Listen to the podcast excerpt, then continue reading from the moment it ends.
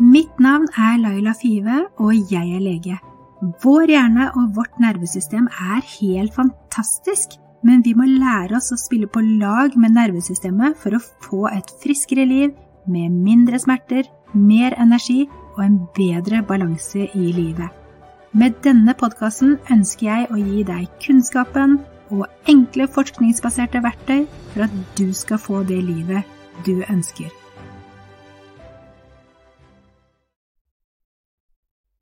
Dag har jeg med meg en gjest som heter Torkil Færø. Han er lege, fotograf og bestselgende forfatter av bøkene Kamerakuren og Pulskuren, som vi skal snakke om i dagens episode.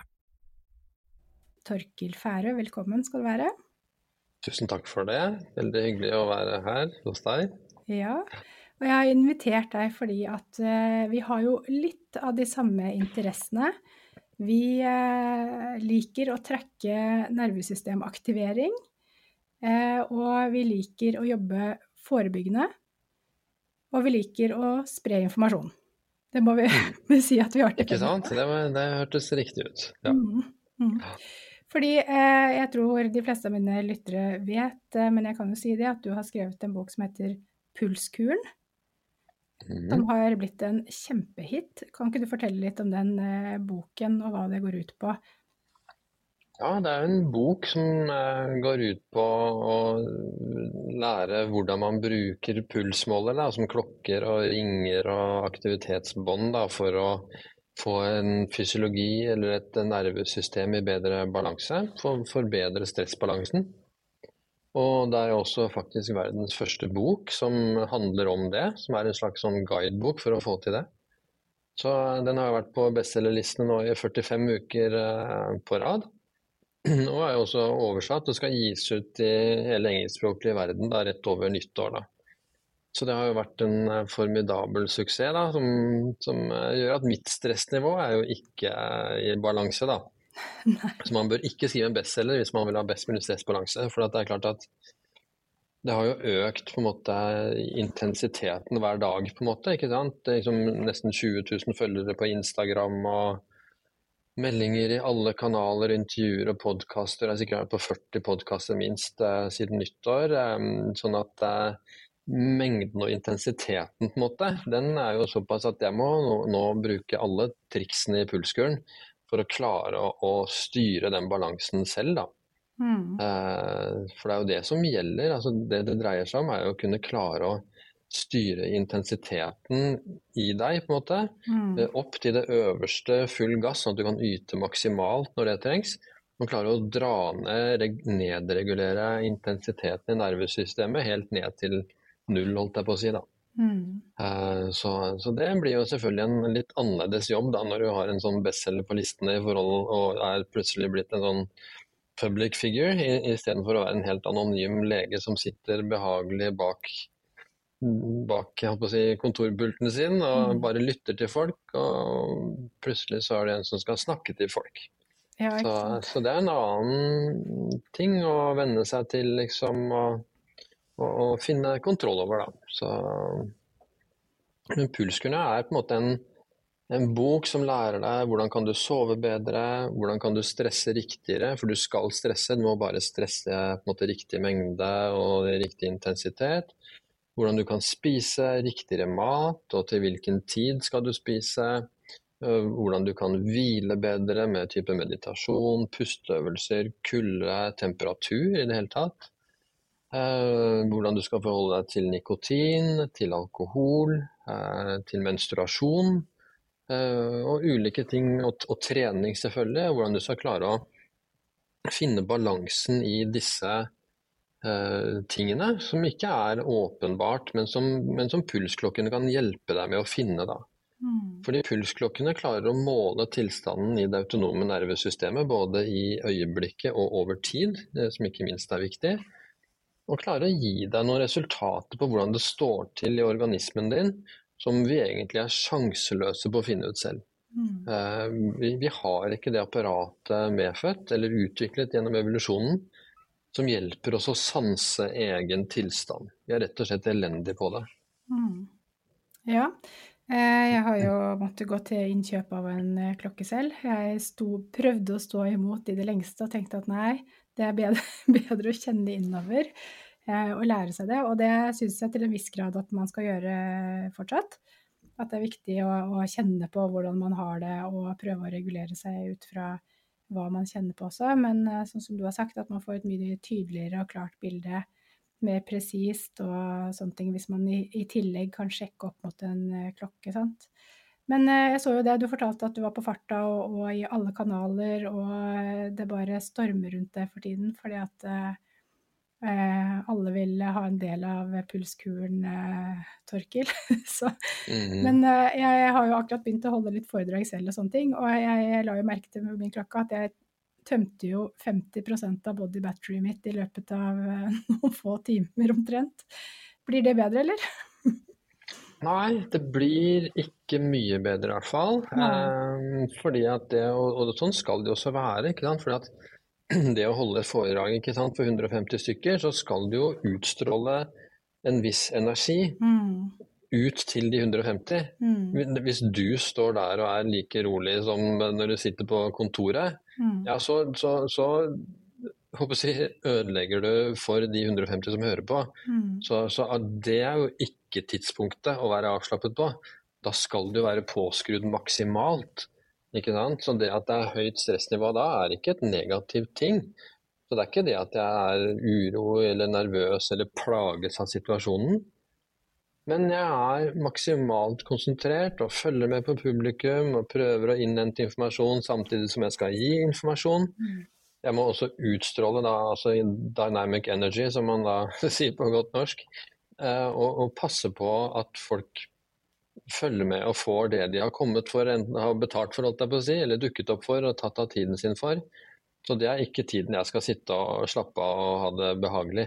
Nei. Eh, så det kommer ikke til å endre seg. Men det som jeg tenkte på, eh, var det du som fortalte om eh, disse idrettsutøverne? Mm, sikkert. Som liksom mm -hmm. har lært seg å på en måte aktivere energien sin til topp, liksom, rett før de skal i løp eller noe sånt. Men så, hvis ikke det blir noe av eller det blir utsettelser eller noe sånt, så regulerer man ned. Og det er det jeg håper på.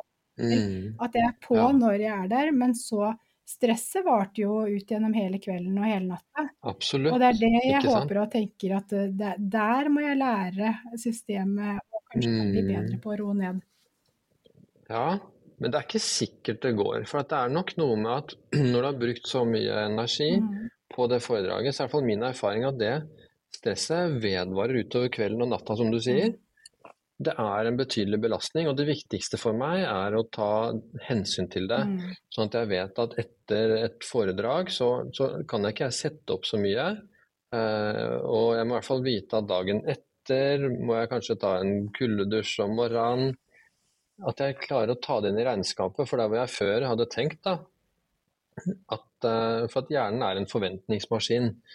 At hjernen på en måte oppfatter ting som den tror det er. Da. Sånn at uh, Før så ville jeg nok tenkt at etter et foredrag så, så er jeg rolig etter en time. Mm. Sånn kjente jeg det.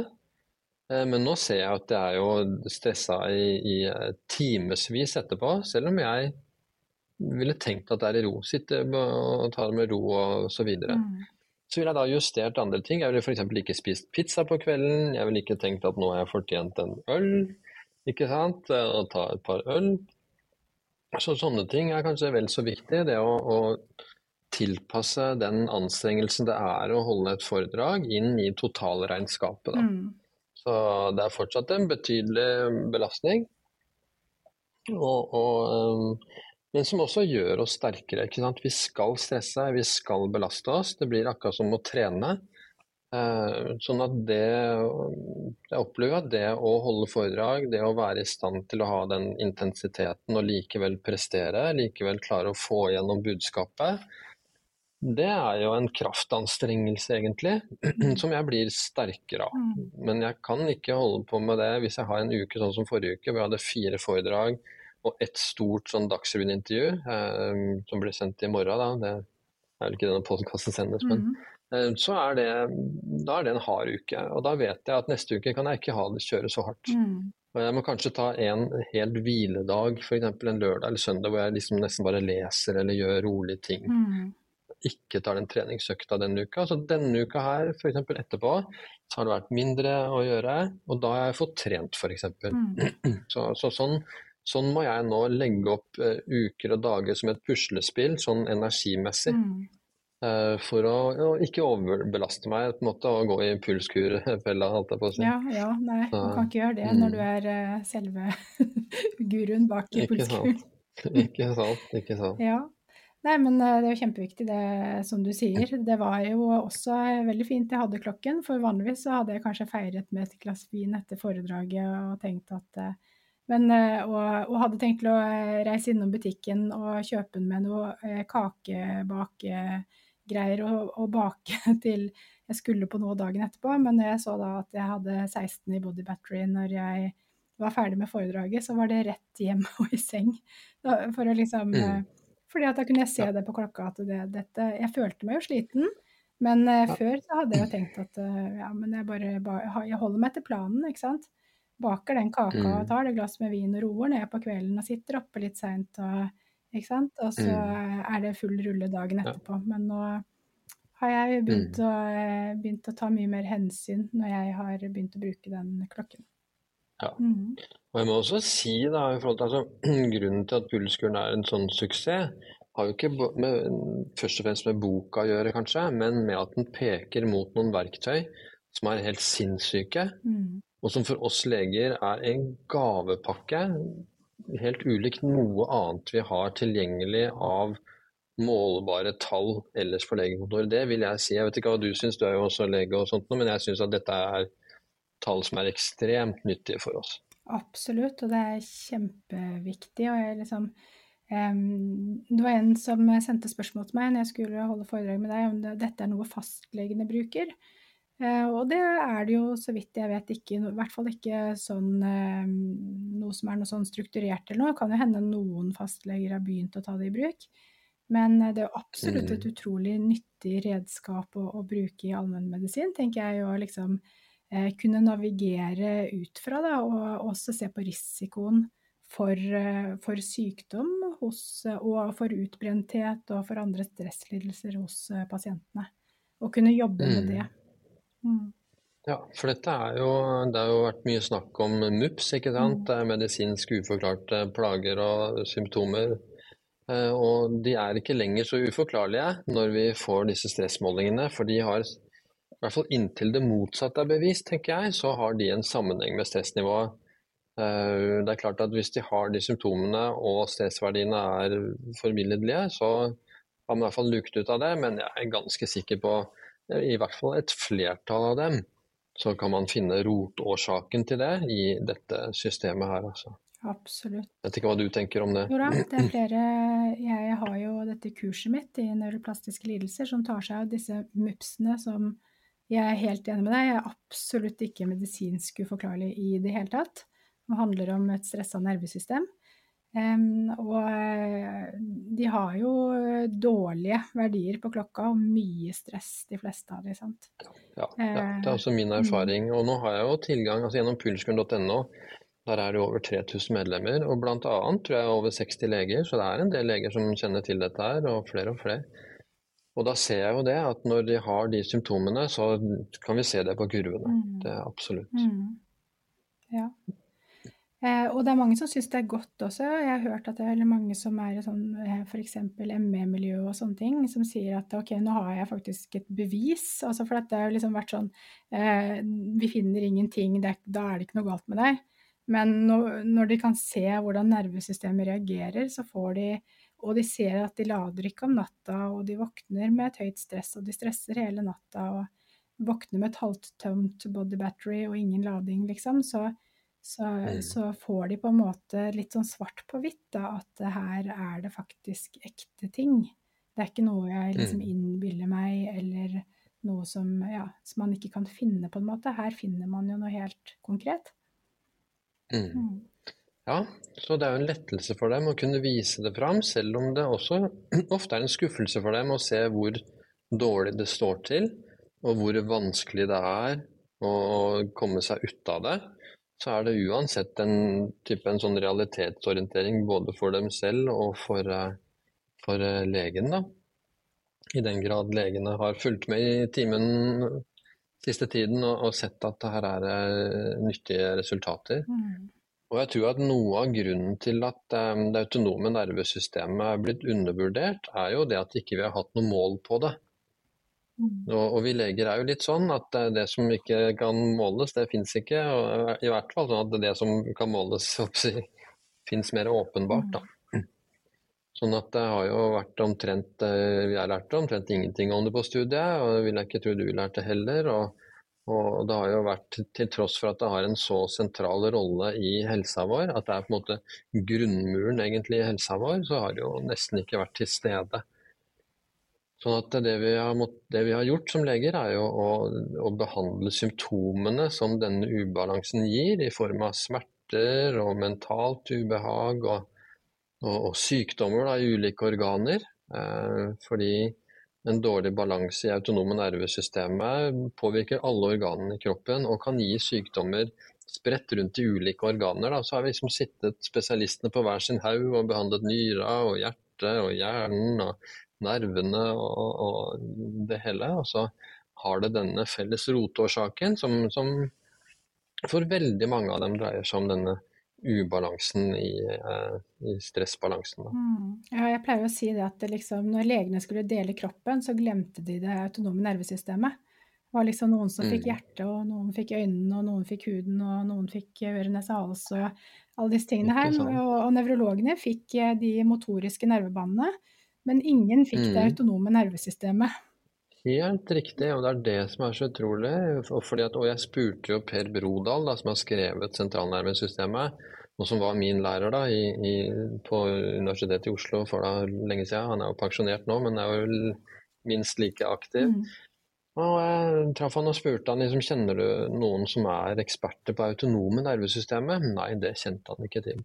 Og han er da den som har skrevet sentralnervesystemet, på en måte, og kunne ikke peke på noen nordmann som, som, jeg kunne henvende meg til for å, å liksom uh, pick his brain, liksom. Så det sier jo litt om hvor, hvor uh, undervurdert dette systemet er. Mm. Uh, og, og, men det som er fordelen nå, da, er jo nå at nå sitter jo hver enkelt på den informasjonen. Mm. Nå er ikke denne informasjonen noe en lege skal finne fram til ved en avansert undersøkelse. Nå sitter du med instrumenter som koster ned til tusenlappen, og har det svaret på håndleddet tilgjengelig til enhver tid. Mm. Sånn at eh, det er jo Jeg mener at dette er en revolusjon på linje med Nå er jeg selvfølgelig upartisk, men jeg mener at dette er en revolusjon på linje med antibiotika og vaksiner. på en måte At det, det er det nivået vi snakker om. Mm.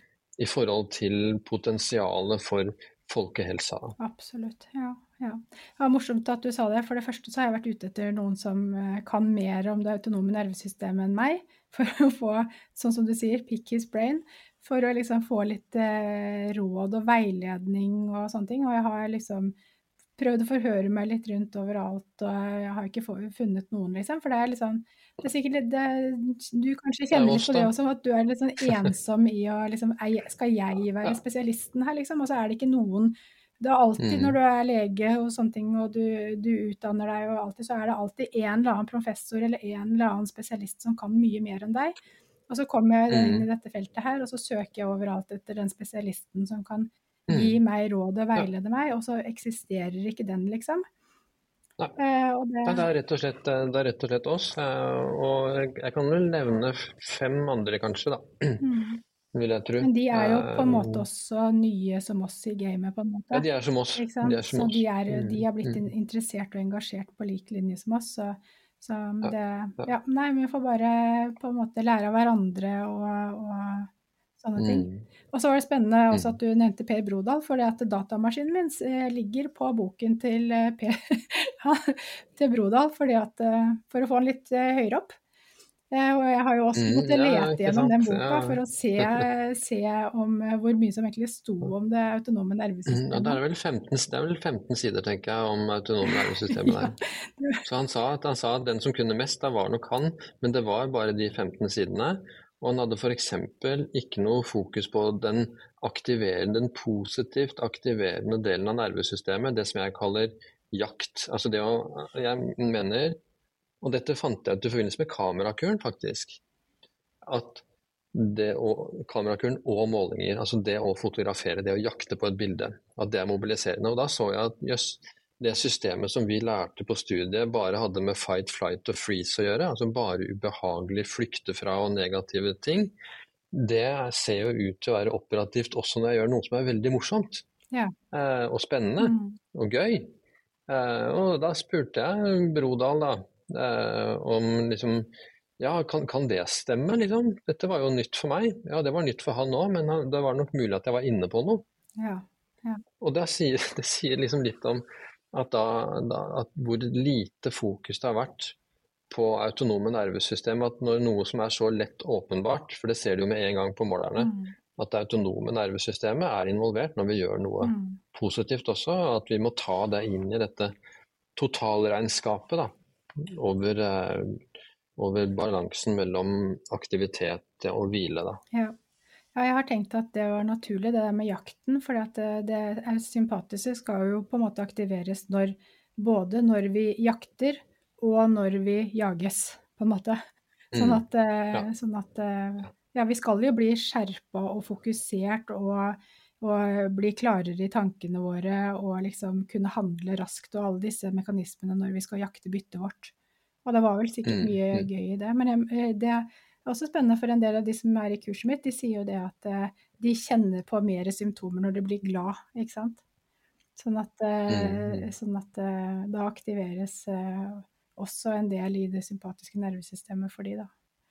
Mm, og så blir det dårligere. Og det er jo litt sånn frustrerende, da. At ikke du kan bli glad uten å bli dårlig. Mm.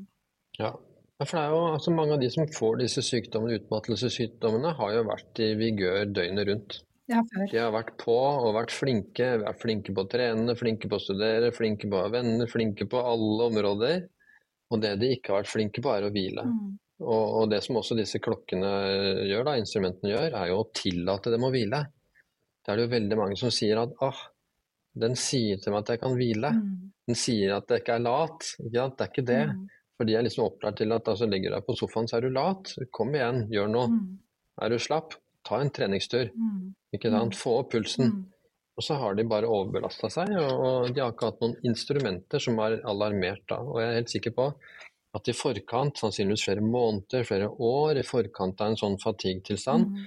Så ville disse instrumentene ha blinket, blinket altså at dette her, mm. du må roe ned. Mm. Ja, jeg møtte faktisk eh, en eh, fyr som var litt sånn skeptisk til klokkene. Så sa han liksom at eh, jeg får alltid liksom våkne med 100 i body battery, og kjæresten min hun våkner alltid med flatt batteri, liksom. Og stressnivå mm. i topp hele tiden. Det, det, og hun sier hun føler seg rolig, så, så, det må være noe galt. Det fungerer ikke, disse klokkene. Så sa jeg liksom sånn ja, jeg hadde kanskje sett på det som et varseltegn. Jeg tror kanskje at det er behov for å sette inn eh, litt tiltak, eller gå til noen, eller få noe hjelp. For det er litt rart hvis ikke du har noen stressymptomer. Eh, og så sa han ja, ja nei, nei, hun skjønte det da, at hun måtte gå for noe, noe, hjelp. Så bare ut fra at han sa det, så kunne jeg liksom spore at uh, her var det noe som ikke var bra. da, at det var at, mm. Eh, at uh, sannsynligvis var det ganske mye symptomer allerede. Sånn mm. at uh, ja. Men det er noe med at man har vent seg til at det er sånn. Mm. Hvis du har levd da, sånn som det i alle år, mm. så er det blitt normalen. Så du tenker at ok, det at det er litt vondt her og der, at jeg er litt stiv i skuldrene, det at jeg har migrene en gang i, eller to i måneden, det, det er bare sånn det er. Mm. Ikke sant? Mm. Og, og, så ser de, etter hvert som de får mer balanse her, så ser de at ja, men det var jo ikke nødvendig at det var sånn.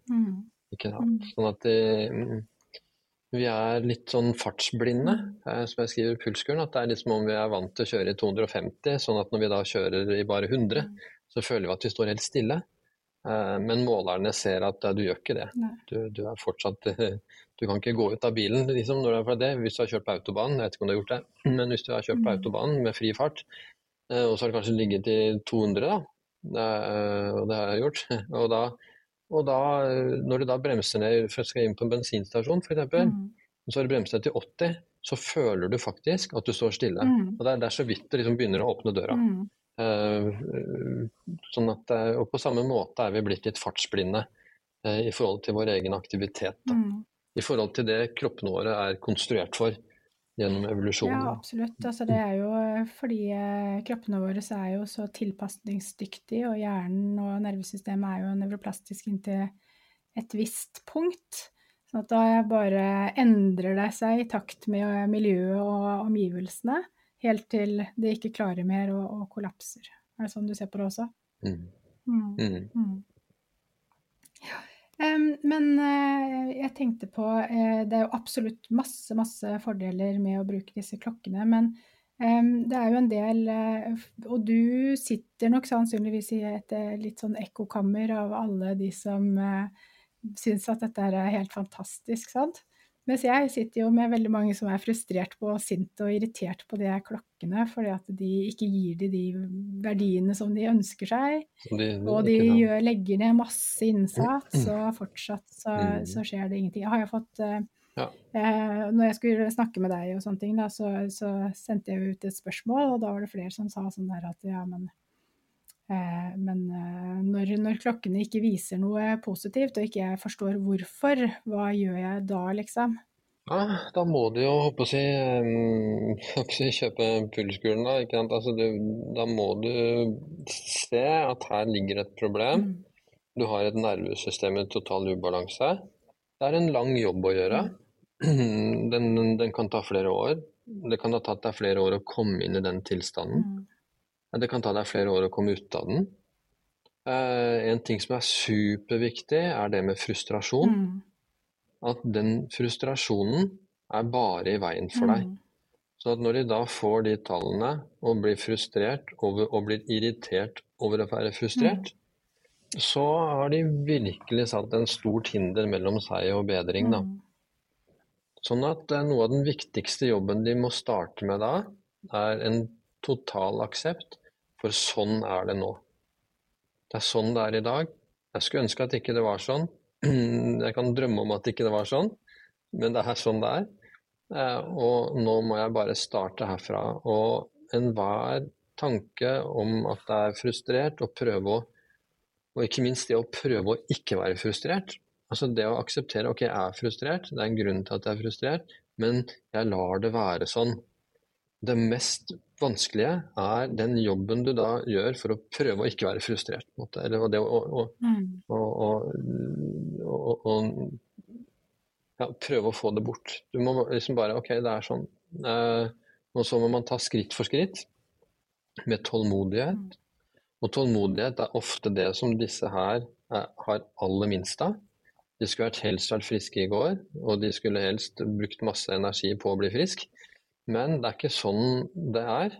Du må tillate deg å bli frisk. Du må, du må finne den balansen mellom aktivitet og hvile som gjør at kroppen klarer å tilhele seg.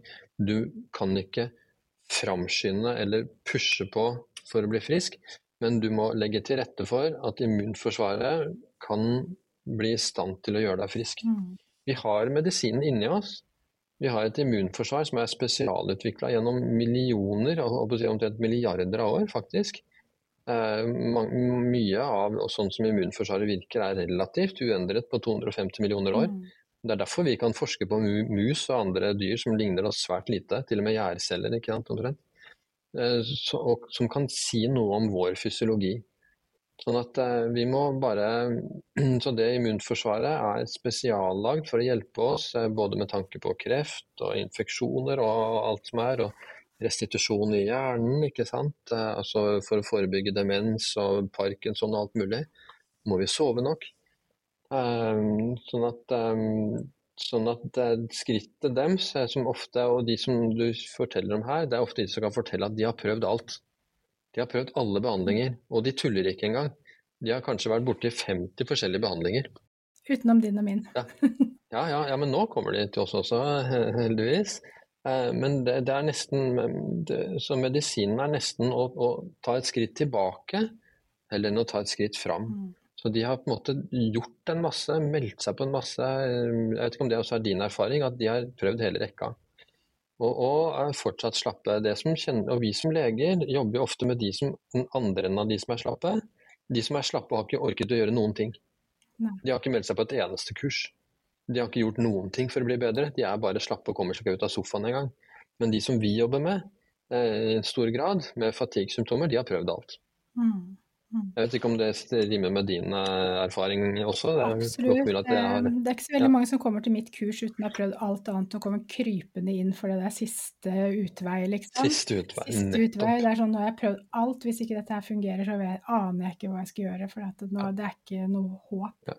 Og de tør nesten ikke, de kommer inn livredde og tør nesten ikke håpe på Mm, at dette ja. kan hjelpe heller, fordi at, det, fordi at de de bare trenger Mm. egentlig håpet ikke sant? på at kanskje nå har de funnet noe, men også blir de bedre. Og da blir Mm. de redd for å stole på bedringen, fordi at eh, de har Mm. vært så skuffa så mange ganger. em, Mhm. at, eh, men jeg tenker at eh, det, man går jo inn i en ond sirkel her, ikke sant? med frustrasjon og frykt. frykt.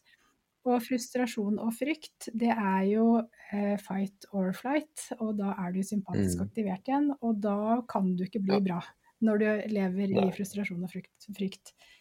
Ja, og når de sier at de har prøvd alt, og du spør hva de har prøvd, så har de prøvd alt. Og de har prøvd så mye at hvis du hadde vært syk, så hadde du aldri orket det. Nei.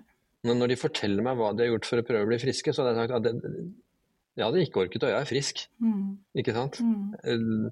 Og, og, og folk er nok ikke klar over at dette med frustrasjon og irritasjon, det skaper sykdom. Mm. Og grunnen til at det skaper sykdom, er at hjernen vår og immunforsvaret vårt eh, Immunforsvaret er ikke sånn at det venter til at det skjer noe før det mobiliseres. Immunforsvaret hører på våre tanker i real time eh, og våre stemninger, og modulerer graden av mobilisering av immunforsvaret etter det. Sånn at hvis immunforsvaret merker at dette er en organisme som er frustrert, irritert, sint, forbanna, eh, så har det evolusjonsmessig sett, gjennom da, og da snakker vi kanskje ti millioner år tilbake, ikke sant, før vi ble mennesker, så har det vært et tegn på en situasjon hvor en fare står nært truende, enten i form av en krig, en, en fight med et annet eh, individ. Eh, og immunforsvaret har trappet opp og mobilisert, har liksom satt ut styrkene sine. Mm. Og hvis du går rundt og er irritert og forbanna og frustrert hver dag, så står disse styrkene konstant som på lavgradig eh, mobilisert. Og det sliter på systemet. Da får ikke de samme cellene, immuncellene gjort jobben sin. Eh, sånn at de må tre tilbake, på en måte. De de må eh, det, er ikke, det er ikke forenlig med restitusjon og tilhelling å være fylt av frustrasjon. Så de må øve seg på da, å ikke være frustrert, og det er ofte veldig vanskelig. Mm. For du, du har sikkert selv erfart også at denne gruppa her har en høy frustrasjonsgrad. Mm. De kommer inn eh, veldig pasienter. frustrerte, og så lærer de å ikke bli frustrerte, og så går det bra. Og så får Mm. de tilbakefall med frustrasjon, og så går det dårligere igjen. Og så må de lære på Ja. nytt å ikke bli frustrerte, og Ja. så går det bra. Og så eh, blir de frustrerte igjen, og så går det dårlig. Så sånn, sånn er Men så blir de mindre og mindre frustrerte, og så skjønner de mer og Mhm. mer mønstre. Og så blir de friskere og friskere. Og det er det som er eh, så gøy. Da. Det er jo ikke bare frustrasjon, selvfølgelig, men frustrasjon er én Mm. nøkkelfaktor, absolutt, eh, i hele prosessen. Da. Sånn at Mm. Eh, Det er gøy, eh, veldig gøy å snakke med deg og se at du ser de samme tingene som jeg jobber med daglig. Da. Mm. Mm. Mm. Em, og så uh, er det jo mange som uh, Angst og klokke. De uh, har jeg i hvert fall eh, erfaring med og hørt fra veldig mange at der De er ikke så gode sammen. fordi at eh, har man mye angst, så er man veldig aktivert hele tiden i sympatisk Mm. aktivering, og så blir det en stor frustrasjon å bare se det, og så bidrar det til mer angst. Fordi at da Mm. får du jo OK, jeg, og dette her er jo ikke bra, jeg er jo aktivert hele tiden. Jeg sover jo ikke Mm. godt, jeg hviler ikke, jeg får ikke eh, restituert meg. Jeg kommer jo aldri ned i den parasympatiske, og så øker angsten igjen. Mm. ja. Har du noen uh, råd i forhold til det? Ja, det blir jo litt det samme igjen, da. At det er denne realitetsorienteringen. ja, så da, da må du begynne å, å nøste opp eh, i hva, når er jeg minst engstelig, da. I, I hvilke situasjoner er jeg i hvert fall mest rolig, om jeg ikke er helt nedi parasympatisk på målerne. Det er, når, Hvor er det det i er når jeg unngår ting. Mm, ja, ja. Jeg tror, jeg tror det er en god idé å legge vekk klokka til man har fått behandlet angsten litt. Mm. Sånn at man kan, ja, det kan eh, sånn at man kan få, få muligheten til å, å teste ut litt og, og, få noe bedre. Noe å Mm. henge Jeg tror hvis alt bare er mørkt, eller alt bare er rødt, og du bare ser Mm. rødt hele tiden, og du blir frustrert av å se rødt, så er det på tide å legge vekk klokken en Mm. stund, og så heller ta Mm. den tilbake igjen når man kjenner at man har fått litt uh, orden på nervesystemet. For de som Mm. eh, man, Kanskje man må jobbe med noen emosjonelle faktorer og sånne ting. Ha fokus på det først, uten å bli så forstyrra av å se at ting er, står så dårlig til. Mm. Men det kan også være motsatt. Sånn at eh, hvis, du, hvis man da spør de med angst, hva er det det kommer av? Ok, jo, kanskje det kommer av en, en PTSD-episode, men mange av de man spør, kan ikke svare på det. Og, og da kan ofte angsten komme av denne ubalansen. Ja. Sånn at du kan ikke, du klarer ikke å prate deg ut av det. Du er nødt til å gå inn på denne fysiologiske ubalansen og si at du har angst, og så snuser du, da. Mm. Ikke sant? Mm. Så vet vi at bare snusen øker hvilepulsen med ti slag. Mm. Og så, så må man da kanskje Ok, men, men la meg slutte med den, da. For den sympatiske aktiveringen fra snusen hjelper meg i hvert fall ikke. Og så har man kanskje tenkt at ok, men et, eh, et par glass vin på kvelden av og til har hjulpet, ikke sant? Der og da. Og så ser man på målerne at, det, at alkohol kan du i hvert fall ikke bruke hvis du har de angstsymptomene, ikke sant? Um, ok, så ser du at ok, ja, men nå slutter jeg å snuse, nå slutter jeg å ta det glasset vin av og til, og tar heller en kopp te. Eh, og så ser du kanskje at det, at eh, det som stresser er en viss type måltider, så ser du kanskje at ok, det er gluten faktisk som er med på å, å høyne For at angsten ofte kommer av denne høye pulsen, denne høye adrenalinaktiveringen. Og når du kan begynne å luke ut en del ting som trigger eh, så, så vil du få mindre av den angsten. Kanskje så, så trenger du å trene. Kanskje så ser du at, eh, at kondisjonen din er kjempedårlig. Og det betyr, hvis kondisjonen din er kjempedårlig, så betyr det gjerne at kroppen må jobbe på høygir, eh, aktivert selv på helt dagligdagse ting. Så kanskje det du skal gjøre for angsten din, og det viser seg masse forskning selvfølgelig, er- så det hjelper det å trene. Mm. Og kanskje må du ikke trene for mye heller. Kanskje så tenker du ok, jeg skal være kjempeflink å trene også, så jeg skal løpe fire ganger fire høyintensitet tre ganger i uka. Nei, ikke sant? Det blir for mye. Mm. Så du må se at ok, kanskje jeg bare skal gå først. Mm. Ikke sant? I en, en halvtime tre-fire dager i uka. Og, og, og sånn, sånn kan du begynne å se For jeg skriver jo i boka, da, så skriver jeg vi er vant til å tenke er det psykisk eller fysisk? Mm. Eh, Men det vi må tenke er det, er det fysiologisk? Mm. Sånn at da tenker jeg at du må begynne å gå løs på fysiologien først. Og når du får fysiologien i balanse med disse tingene med søvn og trening og hvile Ok, hvis angsten fortsatt er der, da, så kan det være at, eh, at det kan lønne seg mer å, å snakke seg ut av det. Men min erfaring er at eh, selv om plagene kan formuleres i ord, så er det ikke sikkert at det er ord som er løsningen på det. Og dermed, når de ser, når de har angst og ser at oi, nervesystemet, fysiologien er i stressmodus hele veien, ok, så er det, er det kanskje rett og slett enda viktigere at de bruker klokkene. For det kan hende at det er der problemet ligger. Mm. I denne overaktiveringen som de ser, og som de da må begynne å, å, å, nøste opp i, på en måte trinn for trinn. da. Det var, det var også litt gøy, for at jeg er jo terapeut. Så hos meg i mitt kurs er det helt omvendt. Det er sånn, Da bruker vi ordene først, og så jobber vi med stemningene i nervesystemet. Med ok, liksom, hvor, hvor er du i aktiveringen i forhold til hvordan du er emosjonelt? da, ikke sant?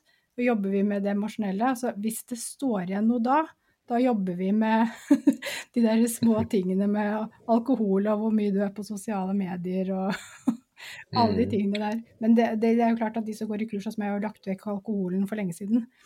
Eh, De Mm. fleste har lagt vekk omtrent alt og, og prøvd eh, veldig mye forskjellig kosthold. og prøvd, Mm. altså De har jo prøvd alt, ikke sant. Så, men vi Mm. jobber da med det emosjonelle. Men jobber, vi jobber jo med de tingene som du snakka om, da med liksom både frykt og sinne og frustrasjon og altså alle disse følelsene. For å Mm. Ja, prøve ja. å komme ned i parasympatisk, søke parasympatisk. For det, mye styres jo Mm. fra ikke bare amygdala, da, men amygdala er litt sånn hoved, hovedkaptein der oppe. sant? Og den er jo veldig eh, Den er jo emosjons... eh, Den regulerer ut fra emosjonene våre, sant. Så når vi klarer å Mm. regulere emosjonene våre og få da den parasympatiske aktiveringen gjennom å bruke tanker og følelser og, og få kontroll på de, så Mm. ordner som regel det meste seg, da. Men så vi Mm. jobber litt fra motsatt ende. Ja, ikke sant. For det er jo ikke sikkert altså, Selv om man da har, har liksom snakket om noe som er emosjonelt roer dem, og så putter de en snus styrke fire, ikke sant? Ja.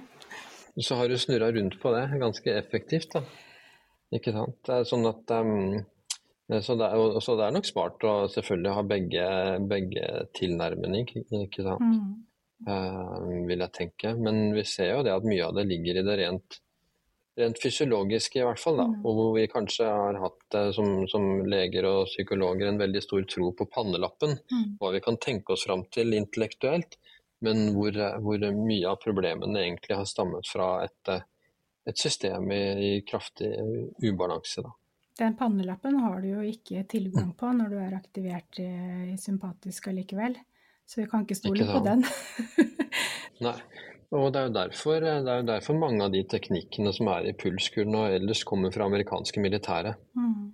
Eh, fordi, og politiet. Mm. Fordi at eh, hvis du er eh, stressaktivert eh, og adrenalinfylt, så tar du dårligere avgjørelser, nettopp fordi at pannelappen, kombinasjonen til pannelappen er redusert. Mm. Og det er jo bl.a. fordi at evolusjonsmessig sett, hvis det oppsto en veldig farlig situasjon, Mm. så skulle du ikke begynne å klø deg i huet hva, hva betyr dette her, liksom. Han står og ser sånn på meg, kan det være farlig? Mm. Ikke sant? Mm. Du, du skulle bare reagere på, på tideler eller hundredeler og gjøre noe. Mm. Og så får du heller tenke etterpå.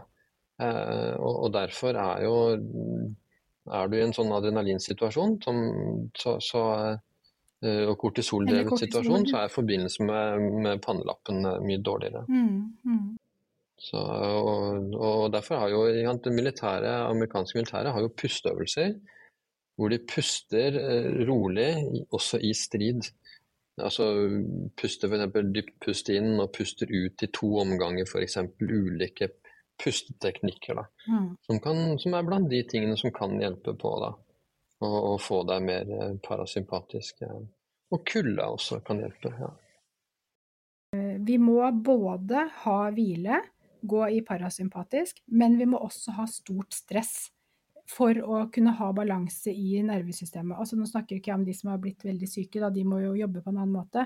Men for vanlige mennesker som ikke har fått et totalt dysregulert nervesystem, så trenger vi både mye stress og hvile, mye hvile, for at nervesystemet skal forstå hva hvile og stress er. For hvis ikke så Mm. får man den ubalansen.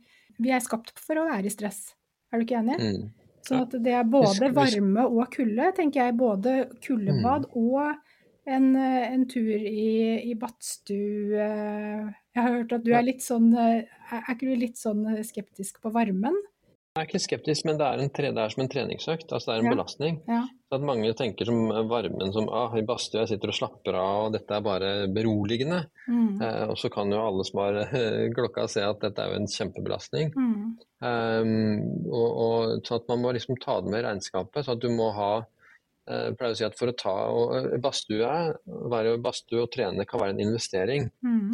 Men du er nødt til å ha penger på bok, på en måte, Mm. fysiologisk, for å foreta den uh, investeringen. Mm. At hvis du allerede ligger med et underskudd, på en måte, så er det ingen som anbefaler deg på en måte, i banken, og det er kanskje noen som gjør det der til og med, å trekke kredittkortet for å investere i aksjer. på en måte. Nei. Eh, Det er jo ikke anbefalt. Og, sånn, blir det, og sånn er det litt eh, også på det fysiologiske. da. At eh, for å ta den badstua, så, så lønner det seg å ha penger på, eller ha krefter til overs. Og da kan det være enda bedre å gjøre det kaldt. Mm. Fordi at med kulde så vil du få krefter. Mm. Det vil være en belastning, men som du i etterkant av belastningen, kanskje flere timer etterpå, er i rolig modus med, med lav puls. Da.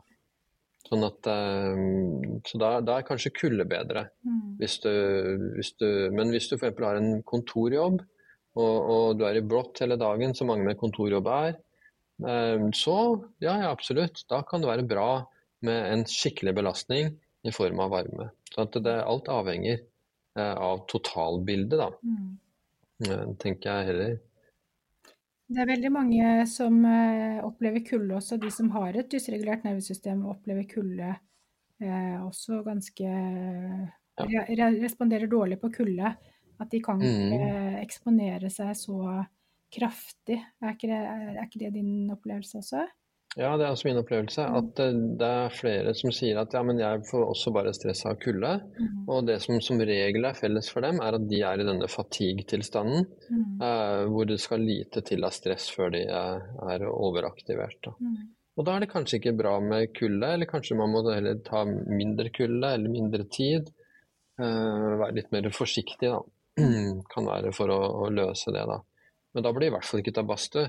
Og, og, mange av de som har disse fatigue-tilstandene, kan jo fortelle at en varm dusj får jo pulsen opp i 140, ikke sant. Mm. Eh, og, og er kjempestresset lenge etterpå. Sånn at eh, det som ofte er litt sånn kontra eh, intuitivt, kan du si, da, det er jo det at, at kulde kan være bra. Å være sulten kan være bra for nervesystemet, og til og med smerte, kortvarig smerte, kan også være beroligende, da. Mm. For det ser jeg ofte folk på, på pulskuren.no og sier at jeg var hos tannlegen og jeg gikk inn i ro, liksom, eller jeg fikk, jeg fikk et migreneanfall, men da gikk jeg over i blått osv. Så videre. sånn at det, det, kan nok være en eller annen mekanisme med smerte, kortvarig smerte, kanskje kobla til endorfiner eller noe sånt, som, som roer ned så det, det, er interessant, da. Det, ja, det er eh, akkurat det jeg hadde lyst til å spørre deg om. For det, eh, det, er sånn som ikke jeg helt forstår, akkurat det med smerte å gå i blått. Og så har jeg liksom tenkt at hvis smerten blir veldig intens, eller man blir veldig redd, eller man f.eks. hvis du går til legen, så skal du ta en blodprøve, og så er du livredd, ikke sant. Da øh, blir du jo svimmel, kanskje også svimmer av. Og jeg tenker mm. at nå går, nå går systemet i freeze, ikke sant. Mm. Eh, at du får en parasympatisk dorsal aktivering. Og så har jeg liksom tenkt mm. at de som får veldig kraftige eh, eh, migreneanfall f.eks., det er jo helt grusomt. Jeg har hatt eh, ett og to migreneanfall. Du, du, ligger jo bare og håper på en annen dag, holdt jeg på å si. Bare ønsker at mm. dagen skal være slutt. Um, eller tenker at sånn her kan jeg ikke leve. ikke sant? Altså, jeg har tenkt at det er mm. en freeze-respons. Kanskje det også hvis man er livredd for tannlegen at man mm. går i freeze-response. Jeg vet ikke om du har noen tanker? Ja, ja, man går nok inn i en sånn du kan si at sånn Evolusjonsmessig sett så har mm. dette gjerne vært reaksjoner på når vi er trengt opp i et hjørne. Mm. Uh, og i evolusjonen så har det vært fordi at du har trengt opp i et hjørne av et fiendtlig dyr mm. som vil spise deg opp. Uh, og dermed så trekker blodårene seg sammen perifert i muskler ikke sant, og, og armer og beinene osv. Eh, slik at om du blir bitt, om du blir skadet, så skal du blø minst mulig. da. Mm. Og cardiac output, altså hjerteoutputen, blir mindre. Mm. Eh, så selv om du da er i stressmodus, så, så, så dempes alt. Altså det kan være noe av, noe av, det som spiller inn nå. Så det kan være sånne urgamle så det, det aller viktigste jeg kaller dette, er vårt levende fossil. da. Mm. Sånn at det er det at dette urgamle systemet vårt, som vi har arvet fra andre øh, organismer, på en måte, det spiller fortsatt en stor rolle mm. i vår tilstand. Da. Mm. Mm. Og det at dette urgamle systemet klarer vi å måle da, med disse mm. målerne. Og det er sånn at her er vi jo nesten Jeg sammenligner ofte med at det er, det er som om vi er førstemann ute på et nytt kontinent. Mm. Sånn at vi oppdager masse ting som vi lærer. Mm. Og så er det kanskje for hvert svar vi får, så dukker opp to nye spørsmål av ting vi ikke vi skjønner. da, mm. Sånn som dette med smerte og, mm. uh, og så videre. da. Mm. Ja. ja. for jeg er litt sånn opptatt av det med freeze-responsen. For hvis du da går i freeze, da, som noen kaller parasympatisk dorsal aktivering, ikke sant, mm. i teorien så gjør det jo det. Eh, og da, eh, og da, går jo alle funksjoner ned, ikke sant? og da kan jo hjertefrekvensen, pustefrekvensen, alt bare, og blodtrykk og alt bare går ned. Så jeg tenker at da vil det jo se ut på klokka som du er i parasympatisk ventral aktivering. Det vil se ut som du er rolig, mm. men så kan du mm. være i freeze. Ja, det kan være. Det kan være. Det er et av de spørsmålene som si, dukker opp. Og som bare hele tiden plager meg litt. Bare, det, det, og, og, vi har ingen å spørre. Nei, vi har, vi har ingen å spørre. Nei. Det er oss. Det er vi som, det er vi som eh, på en måte er jeg håper å si, om, altså Vi er kanskje fremst i en eller annen flokk, men vi er ikke så mye lenger foran. Nei. Ikke sant? Nei. Altså, vi, er, måte, vi, vi, vi står og spør til sida liksom hva, Mm. hva, hva, hva, hva tror du? Mm. Ikke sant dette er for noe? Ja. Eh, sånn at vi har liksom ingen, eh, vi har ingen som har vært der før eh, å spørre, rett og slett. Eh, sånn at eh, eh, og, det som viser seg også som er interessant med type ME-tilstander og fatigue-tilstander, er jo at mange av dem er jo preget av liksom helt oransje kurver, høye, mm. høye stressnivå dag og natt. Mm. Men en viss andel av dem er mitt inntrykk, kanskje 10-20 kanskje flere. Mm. Fordi at det er jo mange som ikke jeg ser, de er inne på rommene sine Mm. med, med sånn sovemaske osv. Og, og, og de kan ofte ha helt blå kurver. De er helt låst fast i, i, låst fast i noen blå kurver. Mm. Hva det betyr, det vet jeg ikke. Eh, Det kan være ulike svar på det.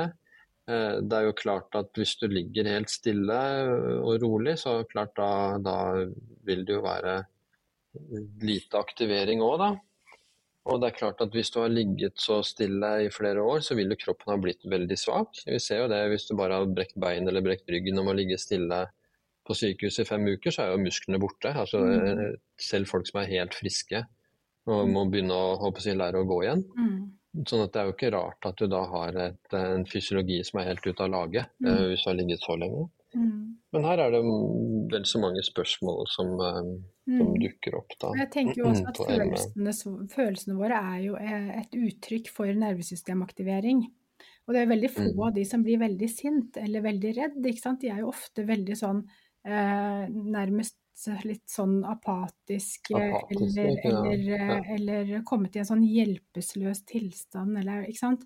Og det Mm, er mm. jo ofte et tegn på den, den freeze-responsen, da, ettersom hva jeg har lest og tenker. Ikke sant. Det kan Mm. være. Og så kan man jo lure på dette med lightning process og sånt. Og hvem Jeg skal gjerne visst litt svar svare på hvem er det som blir bra av det. For at, eh, for at jeg var jo på en ME-podkast. Jeg vet jo man skal jo skal du, Har du lyst på litt ordentlig kjeft, så er det bare å snakke om det. Ja, ja. Eh, Det vet jeg godt. Eh, Men eh, eh, fordi at det er ingenting omtrent eh, som jeg har sett som lege, som, som så mange er blitt bra av en ME-lignende tilstand som av lightning process. Eh, og, så er spørsmålet hvem av dem er det som blir bra? Kan det være at det, kan det, være at det er de som er blå, som blir bra? Kan det være at de som er allerede i oransje, ikke vil bli bra, eller kanskje dårligere? Eh, Det skulle vært interessant å, å vite noe om, da. Eh, Så Sånn intuitivt så tenker jeg at eh, det å være i freeze, det er en mye si, verre aktivering å være i enn å være i fight or flight. For da har du Mm. mye krefter, altså da er du aktivert på en måte. Da har du, um, da har du mye å hente, mye mer å hente. Du er mye lettere tilgjengelig i Mm. ressursene dine enn hvis du er i freeze. ja. Så jeg har sett Ja, men kan det at være- eh, det er de som blir eh, bra. Og det er i hvert fall det jeg har sett i kurset mitt, er at eh, de Ja. som enten har en relativt sånn normal uh, kurve, eller de som har en høy aktivering, de, Mhm. de blir bra. Mm. Eh, Nå har ikke jeg hatt noen som Ja. har vært i freeze, faktisk, så det, det, det, som har hatt klokke, som har tatt kurset mitt, så Mm. det vet jeg ikke. Nei, så, så kan man også tenke seg at ok, hvis du er, hvis du er i, i, i freeze, da, dreier, seg my, dreier mye seg om redsel. Mm. For vi vet jo det at på kroniske smerter, ikke sant? du snakket jo med Pål eh, Sandvid eh, Mm. her ikke sant? Nylig om dette med kroniske smerter og graden av at det skapes i hjernen som en, en beskyttelse. At det er liksom som at hjernen sier til deg at pass på kneet ditt nå, ikke skad deg igjen. Vi husker at du var skadet, det, det, det er vondt i kneet. ikke sant? Mm. Altså, hjernen lager smerter i kneet. Kan det tenkes at en sånn fryktsituasjon også kan være på den generelle funksjonen? ikke sant? At, at ikke rør deg, ikke sant? ligg helt stille. ikke sant? Og at hvis man da fjerner den og, for at På sånn, eh, den retreningsterapien som Pål snakket om, så går det jo på å ikke å, og forsikre seg om at ok, det er ikke noe gærent med kreditt. Det går bra. Mm. Og i løpet av dette har jeg jo sett selv. I, I løpet av fem minutter så er Oi, hvor ble det av smertene? Mm. Ikke sant? Eh, Og, og, og kan det være noe ikke Det- sant, med lightning process? At, at du på en måte du fjerner den frykten, og på samme måte som du ble kvitt smerten i kneet eller skulderen Mm. på noen minutter, så ble du kvitt, kvitt frykten for å røre deg, Mm. f.eks. Det er i hvert fall utrolig mye ME er jo blant de mest interessante sykdommene som, eh, som jeg vet om. Og jeg har jo vært interessert i det i mm. i hvert fall ti år, liksom. Eh, sånn at det er jo blant de tingene jeg følger mest med på. Jeg, jeg bruker jo pain reprocessing therapy, en del av det som en del av kurset mitt. Mm. Og jeg har jo behandlet flere med ME som har blitt bedre eller bra. Eh, og, mm. jeg, eh, og, jeg, vet jo at pain reprocessing therapy brukes på bl.a. ME.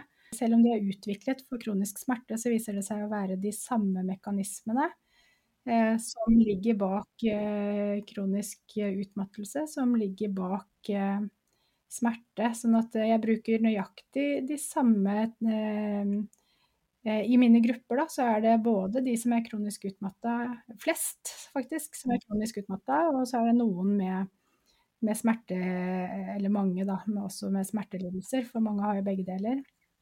Ja. Um, og da Nei, men det er det, det er det, jeg også har mistanke om, liksom, at det dreier seg om samme, Man kan bruke den samme mekanismen mm. på, på, smertene da, mm. og, og ME, på en måte. Og at det dreier seg om den frykten, da. Og den frykten er en stor faktor i dette her, da.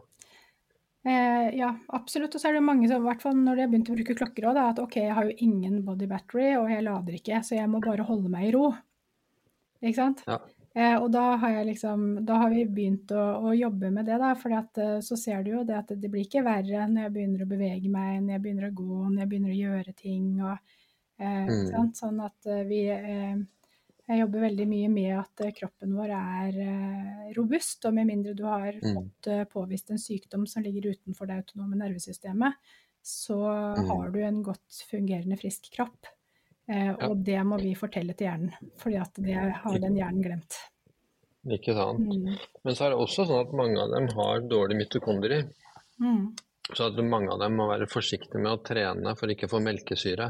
Eh, sånn at eh, når de trener seg opp, da, så må de ta det veldig gradvis. Eh, sånn at de kan ikke um, forvente å løpe en tur som andre. Da vil de være stappfulle av melkesyre, eh, som kan trenge lang tid da, på å komme seg etter. Da. Mm. Så de må kanskje starte med å gå rolig. Så ja, kanskje det kan være fint å svømme. Mm. Ikke sant? I, I litt sånn kjølig basseng, altså, og ikke svømme for fort. Kanskje kan man finne sånne løsninger. Absolutt. Man begynner jo med de, med de enkleste tingene, ikke sant. Eh, mm. Begynner, begynner, å jobbe med én ting, og så begynner man å jobbe veldig gradert. Altså en pacing, liksom. At du eh, eksponerer mm. mer og mer fra dag til dag, da. Ja, ja. Sånn jobber nå i hvert fall vi, og det har i hvert fall vært veldig nyttig. Det er jo ikke snakk om å begynne å løpe, nei. Det vil ikke systemet tåle. Mm. Men etter hvert som man blir regulert, så, så går det bedre.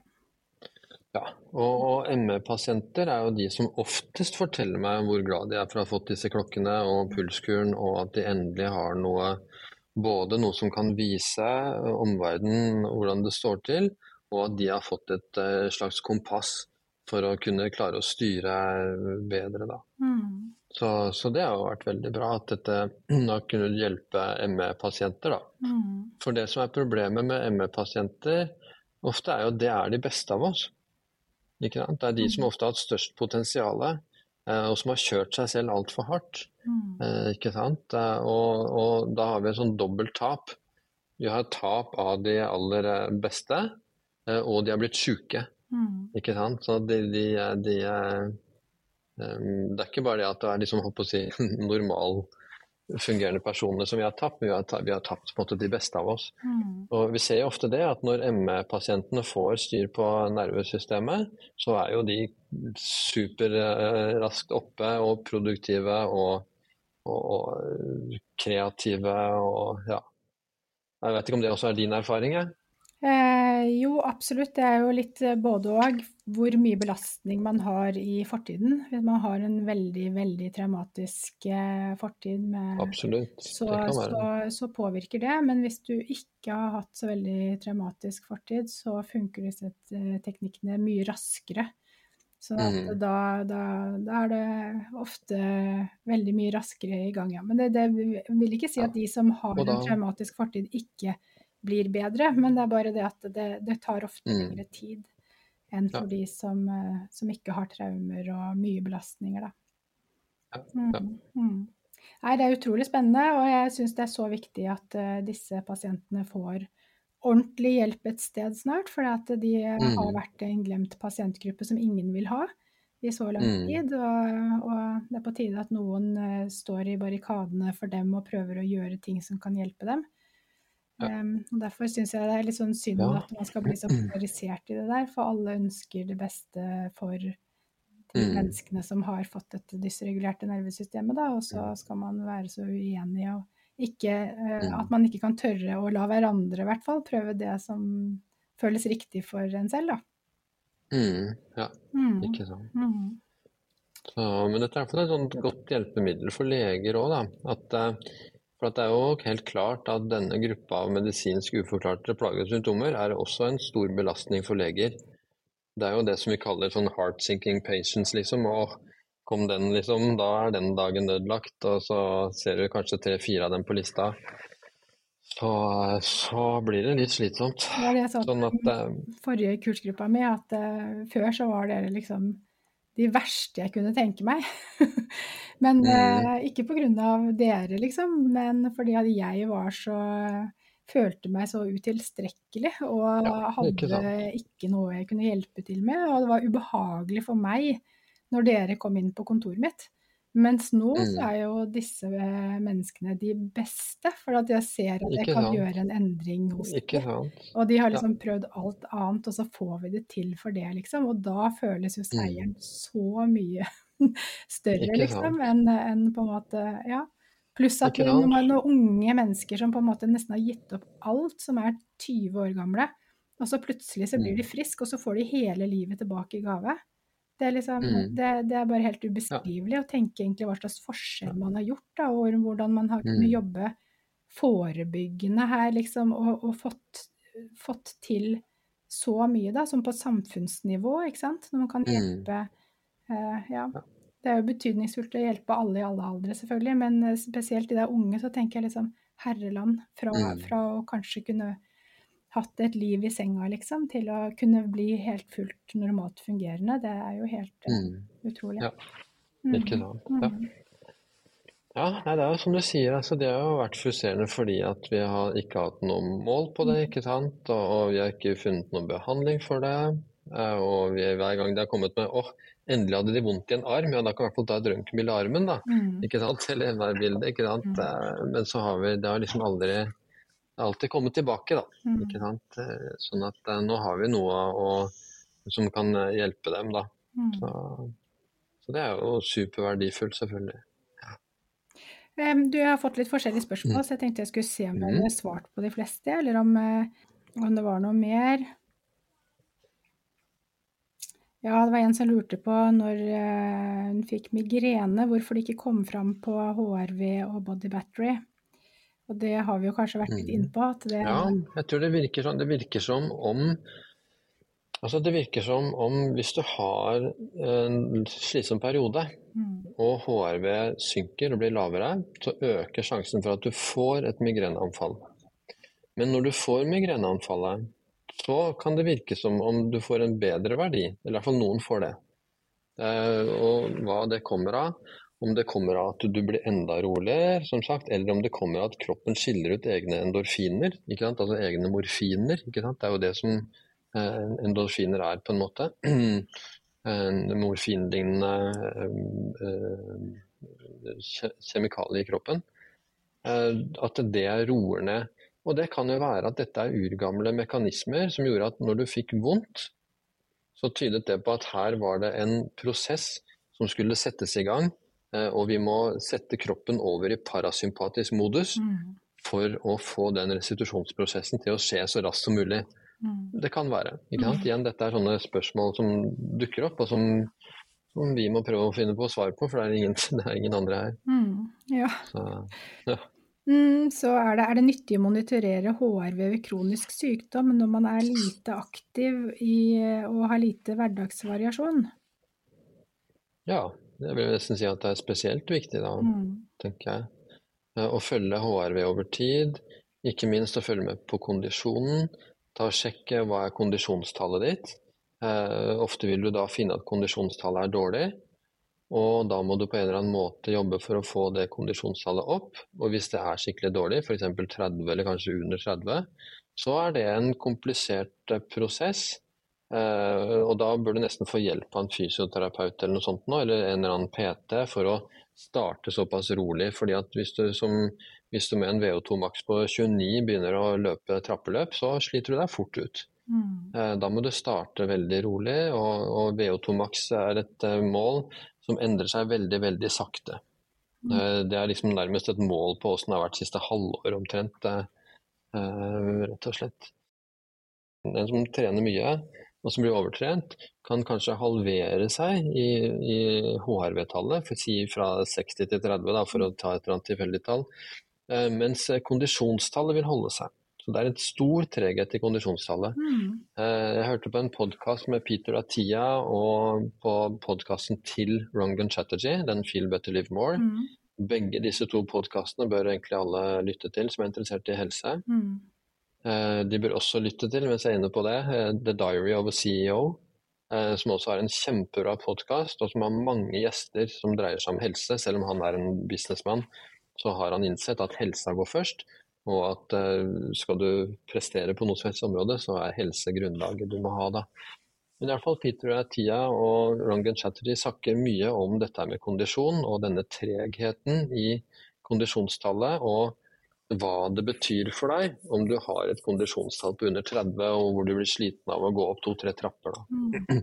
Mm. Så, mm. mm. Ja, ja det, det, kan jo være en god forklaring på det. Mm. Eh, skal vi se, neste spørsmål. Det var Ja, det er en som er redd for å kjøpe seg klokke fordi de var redd for at det bare skal vise stress, og om ikke stress vil gi mer stress, men Ja, det er i hvert fall veldig sjelden at jeg hører noen si det. Så når noen sier det, så vet jeg at det stort sett da vet jeg at ikke de har prøvd. Mm. Rett og slett. Fordi at det er sjelden en erfaring. Det kan komme den erfaringen som du har vært inne på, at den viser at det, ble, at det er veldig stress over hele linja. Mm. Men da må du da eventuelt være klar for å ta den realitetsorienteringen og ønske å gjøre noe med det. Så dette er jo Pulskuren og disse instrumentene er jo instrumenter for de som ønsker å ta tak i helsa si, de som ønsker å få en realitetsvurdering, og så ta hensyn til den for å bli bedre. Mm. Eh, det blir jo litt som dette, altså, eh, Det er jo den de er skrevet for. Mm. Det blir jo som, altså Har du skrevet en kokebok om orientalske retter, så henvender du deg til de som er interessert i å lage det. Ja. Så boka kan være så bra som den bare vil, mm.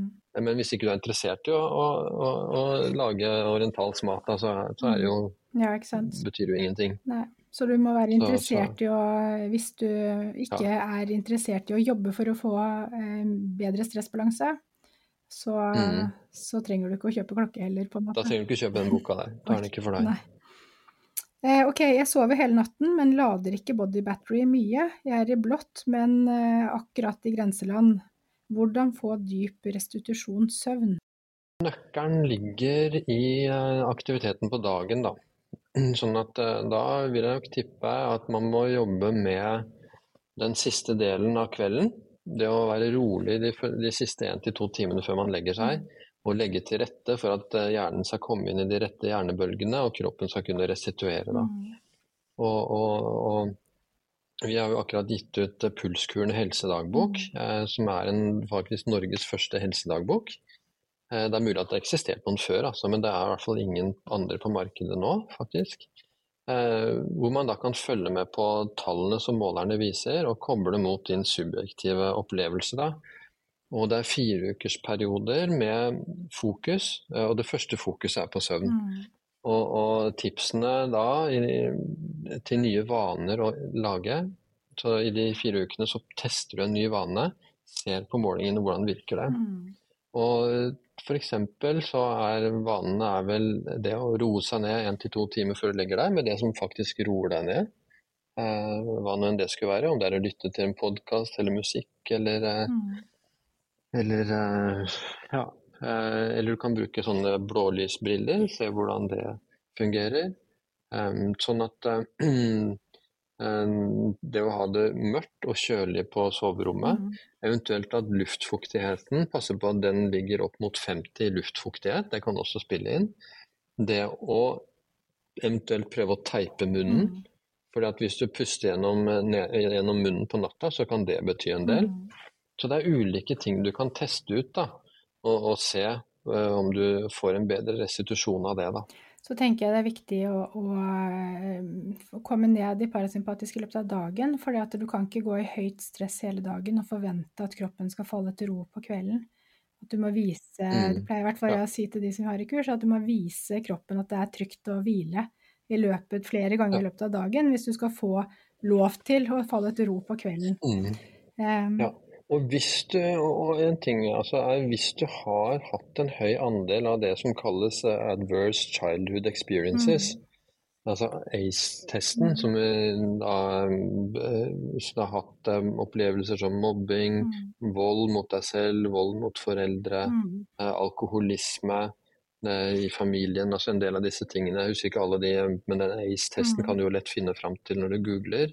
Så har du et nervesystem som på en måte er skrudd opp noen hakk. mm, Eh, Og det er fordi at den tidlige barndommen har lært deg at du kan ikke slappe helt av. mm, Du må være litt alert når du, når du sover. Eh, Og, og, og da har du da et litt annet utgangspunkt som, som blir litt sånn OK, men det, du får ikke gjort noe med det. mm. Du, du får ikke gjort noe med fortiden. Men, men du kan i hvert fall gjøre disse tingene her da, som gir deg en så god søvn som mulig. Men, men du har fått deg et, et, et, lite eller stort skudd for baugen på en måte tidlig, da. Der kan de komme til meg i kurset mitt. Der, eh, der har jeg gode, masse gode Ja. verktøy til akkurat i, i, Mm. i kurset mitt.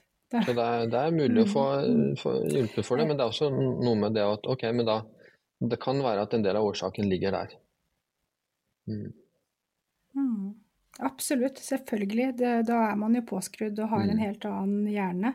Sånn at eh, det, men det er mulig å Mm. jobbe der også med å, med å eh, gå, gå inn i Mm. det som stresser, og, og eh, ja, og Mm, gjøre det mindre Ja, du får ikke gjort noe med det som Mm. skjedde, men du får gjort Mm. noe med dine tanker og følelser eh, rundt det som skjedde. Mm, mm. Eh, og så er det mm, hvordan bruker man HRV i vurdering på om man er klar til å gå tilbake i arbeidslivet eller ikke, når man har vært utbrent eller vært ute av Mm, arbeidslivet? da kan du jo bruke det som et tegn på Si at du har en, en, en HRV, si at den ligger på 30, da. Og så kanskje så starter du med 50% da. Så vil du jo se hvordan reagerer HRV-en. Vil den synke liksom ned til 20 eller noe sånt nå? Eller klarer den å holde seg ganske bra? Da vil du få et, eh, en, fall en form på svar på hvordan, eh, hvordan reagerer fysiologien din på dette her. Så, så det tenker jeg er noe som vi leger kan ha supernytte av, både på de som går tilbake etter hvert ut ute av drift over en stund, men også etter de som f.eks. har hatt kyssesyken eller influensa eller covid. Da. Eh, Så jeg ser jo mange, mange med covid har jo systemer som er belasta i lang, lang, lang tid etterpå. Og som vi ser da på målingene. Mm. Ja, dette her eh, jobber jeg også med, tilbakeføring i arbeidslivet i oppfølgingsgruppa mi. For eh, det er, det er jo de fleste som kommer til meg i kurs, har jo et mål om å bli bedre og komme tilbake i arbeidslivet. Eh, Sånn at eh, da i oppfølgingsgruppen så har vi sånn at du jobber veldig konkret med å Mm. komme tilbake i jobb. Um, og der tar, tar vi det veldig stegvis, men eh, for å ikke få denne kollapsen. Um, men, men da er det jo sånn at man går gradvis frem, og så um, prøver man å ikke overeksponere, da, men å gjøre det akkurat passe. Men så er det jo sånn at når du gjør det første gangen, så, så er det mest skummelt og stresser systemet mest. Men når man gjør det flere ganger, så Mhm. blir det lettere og lettere. Så det, ja. Er utbrent i stillesittende arbeid. Garmin viser body battery er OK, men jeg føler meg elendig. Ja, man Hvorfor? Kan, man kan Body battery-systemet måler da en del av fysiologien din. Den måler den grunnleggende eh, håper jeg, å kjelleren i fundamentet i hele nervesystemet ditt, hvor pannelappen og følelsene og historiene dine og tankene dine ligger på toppen. Og du kan godt ha et betydelig ubehag og føle deg ha, ha, dårlige tanker, dårlige tanker om deg selv, føle at du er på et dårlig sted i livet, føle misnøye overfor hvordan du har det, ikke sant. Som ikke går utover denne grunnstemningen, da, altså fundamentet i fysiologien din. Sånn at det hadde jo vært veldig fint om HRV ga svaret på alt. På si. At dersom HRV er bra, så har, er det jo bra på alle måter. Men sånn er det jo ikke. Det, det viser bare hvordan at ok, da har du i hvert fall den grunnleggende fysiologien i orden. Da, ikke sant, da kan du virkelig begynne å jobbe med, med, med tanker og, og, og, og, følelser og mestring. Det, det, å få til ting. Mm. Hvordan skal du tenke for å få til ting? Og, der er jo skrevet boken 'Kamerakuren', da, som kom før eh, Pulskuren, som dreier seg om hvilken tankesett, hvilket mindset, hvilken handlingsmetode trenger du for å få til det du vil. For den samme, og, grunnen til at jeg har brukt fotografi som eksempel, er jo fordi at jeg har hatt fullt av, jeg har hatt over 60 fotokurs rundt hele verden. Og, og, sett at de strategiene som skal til for å ta et godt bilde, prinsippene for å få til et godt bilde, er de samme som prinsippene for å få til et godt liv. Um, så du kan si at det å ta et bilde er en konkret håndterbar problem, en konkret håndterbar mulighet, Uh, og måten du angriper dette problemet på, denne muligheten på, det er det samme på alt annet også. Sånn at um, Da er det mm. kanskje bedre å jobbe med mestringsdelen. Hvis du ser at det grunnleggende nervesystemet er i orden, ok, da kan du begynne å jobbe med, virkelig jobbe med pannelappen og, og mestringsstrategiene dine. Da kan det godt hende at hvis jeg snakket med denne personen, så vil jeg kanskje sett at en del av disse mestringsstrategiene dine ikke er optimale uh, for å få til ting, da. Jeg vet ikke hvilken erfaring du har med mestring. Uh, altså Der har jeg massevis av gode råd, så da at det er viktig, ikke sant? Kurs, Mestring er viktig. Med. Så da vil jeg kanskje mm -hmm. tro, ut fra bare det, det du fortalte, at, at, at problemet ligger på mestringssiden og ikke den fysiologiske siden. Mm. Ok, her er det en som sier at de har HRV på jevnt over 100, men hvorfor er stressnivået i kroppen høyt? Og det er en høy HRV. Eh, den tyder på at den har god kondisjon. Ja. Og da kan det være at stresset mer er uh, igjen mentalt og mestringsrelatert. At ikke det er et, et uh, fysisk eller fysiologisk stress, uh, ikke sant? men at det er mer stress i hodet. tankekjør som ikke nødvendigvis det kan vise seg i HRV og stressnivå, men ikke nødvendigvis. Vi ser at evnen, altså graden av at emosjonelt stress slår ut på HRV, det varierer. Så for noen så har det liksom alt å si. For andre så betyr det ikke så mye. Sånn at en, et, en emosjonelt stressende situasjon som de føler veldig ubehag over, ikke nødvendigvis trenger å vise seg. Og det kan godt komme fordi at de har veldig god kondisjon, f.eks. Så hvis du har en veldig god kondisjon, så er du nesten vaksinert mot fysiologisk stress. Da tåler du mye, og det viser seg jo også i eh, undersøkelser på helse og hvor lenge du lever, at kondisjonsnivået ditt har veldig mye å si. Men det gjør også da, som sagt, at da har du en grunnleggende fysiologi som er bunnsolid. Og selv om du opplever en vanskelig periode, selv om du krangler med kjæresten eller, eller, holder på å få en skilsmisse eller, eller foreldrene er sjuke, så, så, så, tåler du det godt fysiologisk sett. Men det mentale stresset kan likevel være der. Mm. Det, det, er i hvert fall mm. min, min ja. uh, vurdering av det, da. Så, det er i hvert fall en mulighet for at mm. det er sånn det er.